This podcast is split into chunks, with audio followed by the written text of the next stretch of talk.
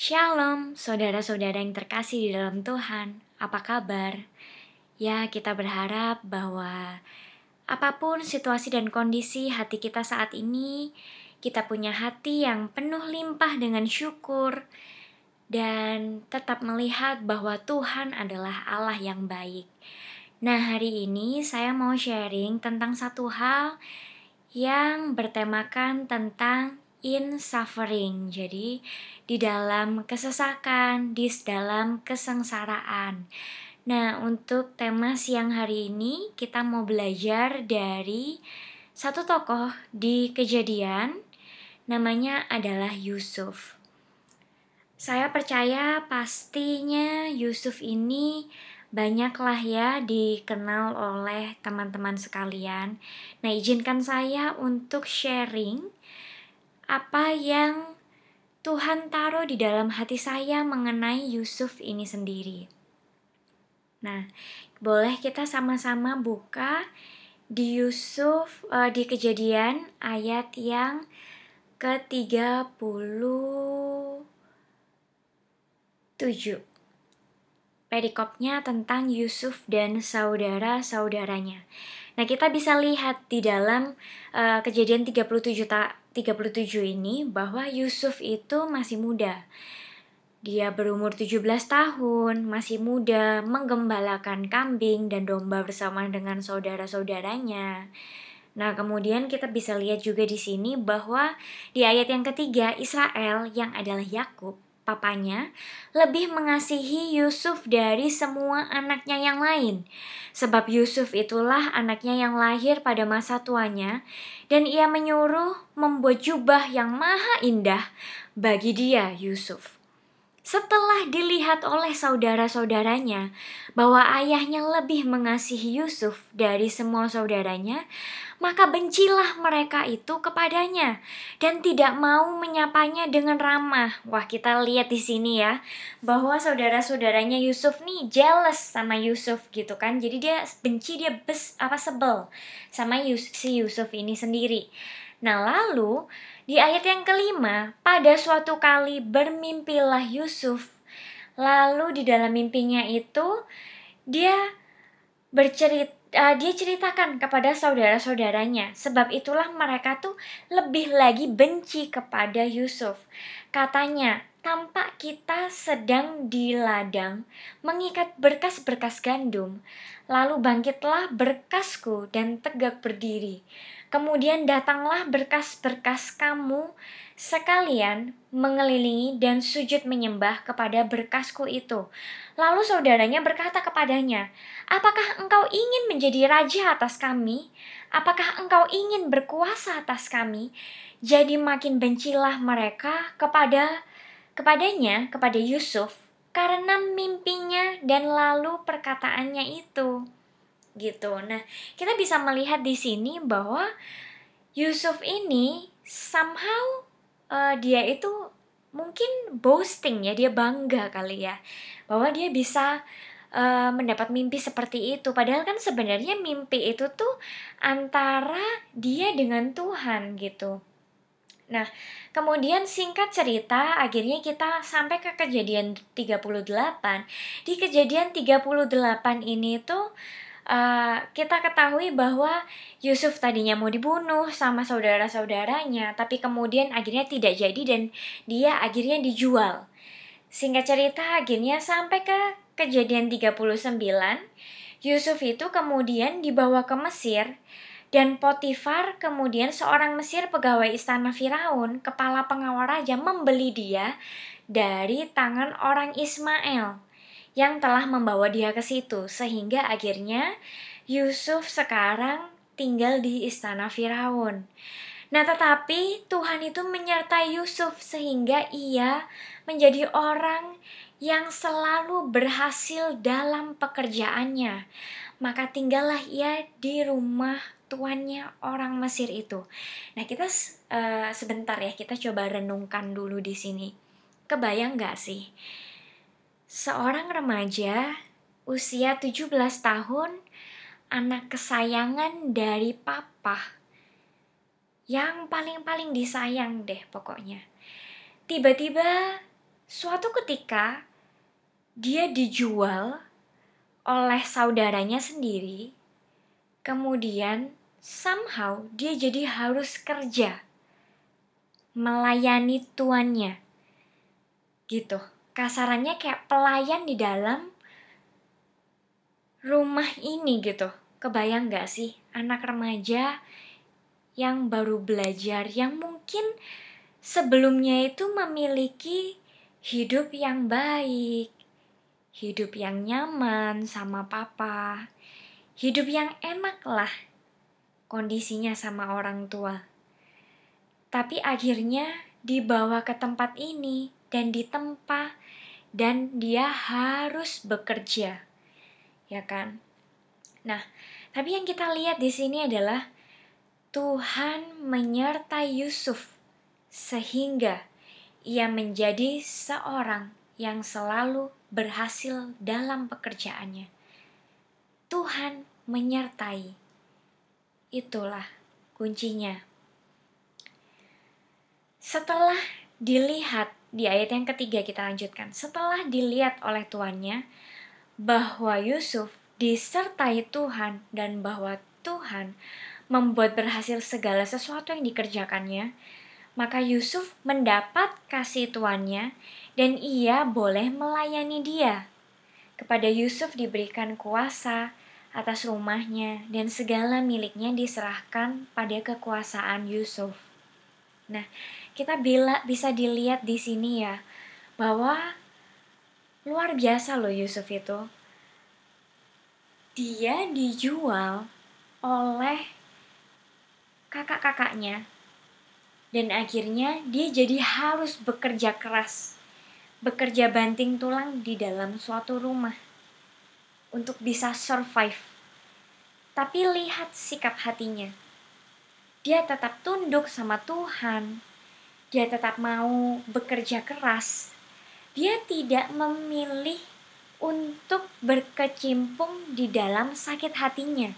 Padahal sebenarnya bisa loh kalau misalnya Yusuf itu tuh hidup dengan kepahitan, hidup dengan segala uh, sesalnya dia. Kenapa sih kakakku itu begini? Kenapa kok hidupku begini? Kenapa kok Tuhan izinkan aku begini dan begitu? Tapi nggak seperti itu. Yang Yusuf tuh pilih tuh nggak seperti itu. Tapi dia benar-benar bekerja keras. Dia benar-benar bekerja dan di dalam pekerjaannya itu tuh Tuhan menyertai dia gitu.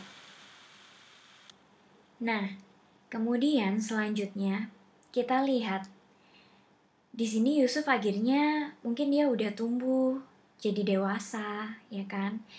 Nah, kita lihat di sini bahwa Yusuf itu akhirnya jadi tumbuh sebagai seorang pria yang elok parasnya. Sehingga akhirnya karena dia elok parasnya, sikapnya itu manis, Selang beberapa waktu kemudian, istri tuannya itu memandang Yusuf dengan birahi dan dengan frontal dia mengajak Yusuf dengan berkata, "Marilah tidur dengan aku." Tetapi Yusuf menolak dan berkata kepada istri tuannya itu, "Dengan bantuanku, tuanku itu tidak lagi mengatur apa yang ada di rumah ini." dan ia telah menyerahkan segala miliknya pada kekuasaanku. Lanjutnya ayat yang ke-9.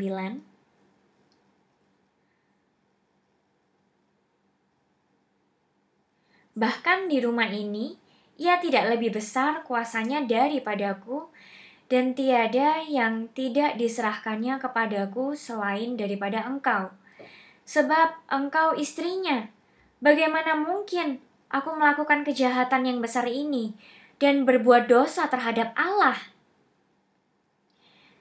Nah, singkat cerita, Yusuf terus menolak dan akhirnya perempuan ini bertaktik. Lalu di ayat yang ke-12, perempuan itu memegang baju Yusuf sambil berkata, Marilah tidur denganku, tetapi Yusuf meninggalkan bajunya di tangan perempuan itu dan lari keluar. Sehingga akhirnya uh, perempuan ini berkata, dipanggilnya seisi rumah itu lalu katanya kepada mereka, "Lihat, dibawanya kemari seorang Ibrani supaya orang ini dapat mempermainkan kita. Orang ini mendekati aku untuk tidur dengan aku, tetapi aku berteriak-teriak dengan suara yang keras." Dan dia menyampaikan hal yang sama juga kepada istrinya, eh kepada maaf, kepada suaminya. Hamba orang Ibrani yang kau bawa kemari itu datang kepadaku untuk mempermainkan aku. Ya kan, jadi istrinya ini menyalahkan suaminya. Sehingga akhirnya kita tahu bahwa di ayat yang ke-20, lalu Yusuf ditangkap lagi oleh tuannya dan dimasukkan ke dalam penjara, tempat tahanan-tahanan raja dikurung. Demikianlah Yusuf dipenjarakan di sana. Tapi Tuhan menyertai Yusuf dan melimpahkan kasih setianya kepadanya dan membuat Yusuf kesayangan bagi kepala raja itu. Sebab itu, kepala penjara mempercayakan semua tahanan dalam penjara itu kepada Yusuf dan segala pekerjaan yang harus dilakukan di situ dialah yang mengurusnya dan kepala penjara itu tidak mencampuri segala yang dipercayakan kepada Yusuf karena Tuhan menyertai dia dan apa yang dikerjakannya dibuat Tuhan berhasil. Kita mau renungkan sama-sama bahwa kita bisa melihat Yusuf ini seperti udah jatuh tertimpa tangga dia udah dijual sama saudaranya sendiri, dijadikan somehow pelayan di dalam rumah. Dia udah kerja dengan benar, tapi kemudian sekarang dia difitnah oleh istri majikannya sendiri.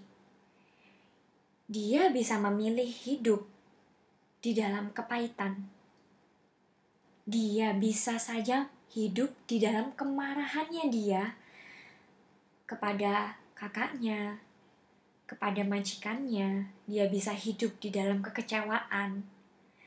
Tapi kita bisa lihat dari firman ini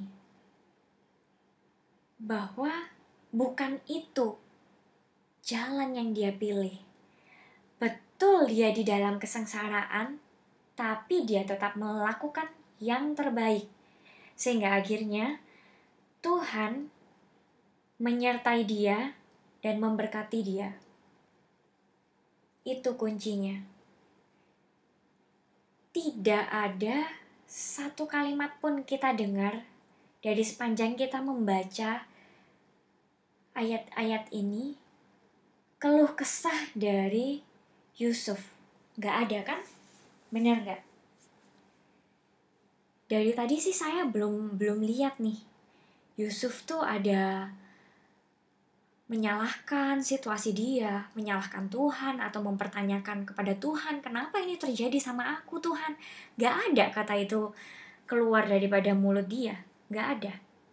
Gitu. Sampai akhirnya singkat cerita di kejadian yang ke-40 di dalam penjara itu tuh dia satu penjara dengan juru minuman dan juru roti. Ya kan? Nah, juru minuman dan juru roti ini tuh bermimpi. Dan setelah mereka bermimpi, di suatu malam, ketika mereka bangun, juru minuman dan juru roti itu sedih gitu. Kayak susah hati. Ya kan? Nah, apa yang dilakukan Yusuf pada saat melihat dua orang ini susah hati? Kita baca di kejadian 40 ayat 6. Ketika pada waktu pagi Yusuf datang kepada mereka, segera dilihatnya bahwa mereka bersusah hati. Lalu, perhatikan ayat yang ketujuh.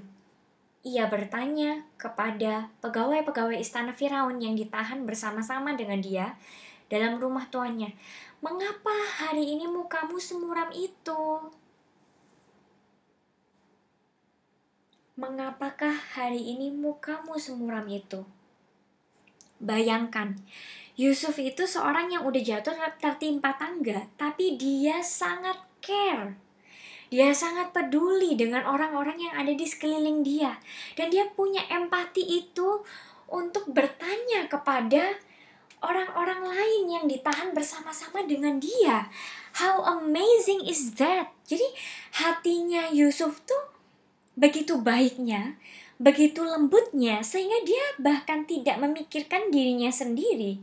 Nah, kemudian di ayat yang ke-8, jawab mereka, "Kami bermimpi, tetapi tidak ada orang yang dapat mengartikannya." Lalu kata Yusuf kepada mereka, "Bukankah Allah yang menerangkan arti mimpi?" ceritakanlah kiranya mimpimu itu kepadaku. Lihat kata-kata di sini, bukankah Allah yang menerangkan arti mimpi? Di sini tidak ada yang namanya kesombongan, tapi dia benar-benar menyerahkan bahwa yang bisa mengartikan mimpi itu tuh adalah Allah.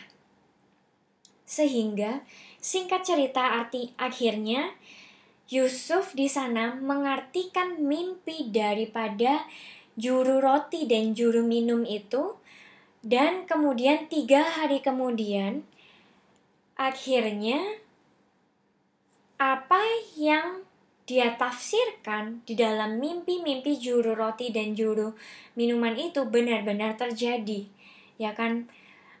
Aku bisa melihat bahwa kok bisa sih Yusuf tuh benar-benar bisa melakukan hal ini semua. Satu, dia datang dengan hati yang tulus, dia datang dengan hati yang murni, dia care, dia peduli dengan empati sama rekan sesama di penjara. Dua, dia nggak take credit sama sekali. From the very beginning, dia perkatakan bahwa bukankah Tuhan yang bisa menginterpretasikan mimpi itu. Bukankah segala sesuatunya itu tuh dari Tuhan? Jadi dengan hati yang rendah hati, dia datang dan dia melayani di dalam penjara dengan hati yang rendah hati, dengan hati yang berserta berserah sama Tuhan, dengan hati yang fokus sama Tuhan. Dan di sana dia jadi berkat. Kita tahu pada akhirnya setelah 13 tahun lamanya dari usia 17 tahun Yusuf ini dijual sama saudaranya sendiri sampai akhirnya Yusuf bebas e, berkemenangan. Itu 13 tahun lamanya dia in suffering. Sampai akhirnya dia usia 30 tahun akhirnya beliau bisa jadi perdana menteri di Mesir dan jadi berkat bahkan buat keluarga besarnya. Well, kita percaya bahwa gak ada yang sia-sia. Di dalam kehidupan Yusuf ketika dia masih melayani Potifar, dia belajar budaya di sana, dia gain knowledge, dia belajar banyak hal yang dia pelajari mungkin soft skill, mungkin hard skill, apa pun dia pelajari dan dia lakukan dengan taat dan takut akan Allah. Terus kemudian lanjut dari istana Potifar kemudian lanjut ke penjara. Di sana juga dia lakukan dengan konsisten taat kepada Tuhan tetap dia lakukan. Dia belajar banyak hal di sana untuk tidak bos, untuk tidak bangga, tapi tetap humble, tetap rendah hati di hadapan Tuhan dan di hadapan sekelilingnya.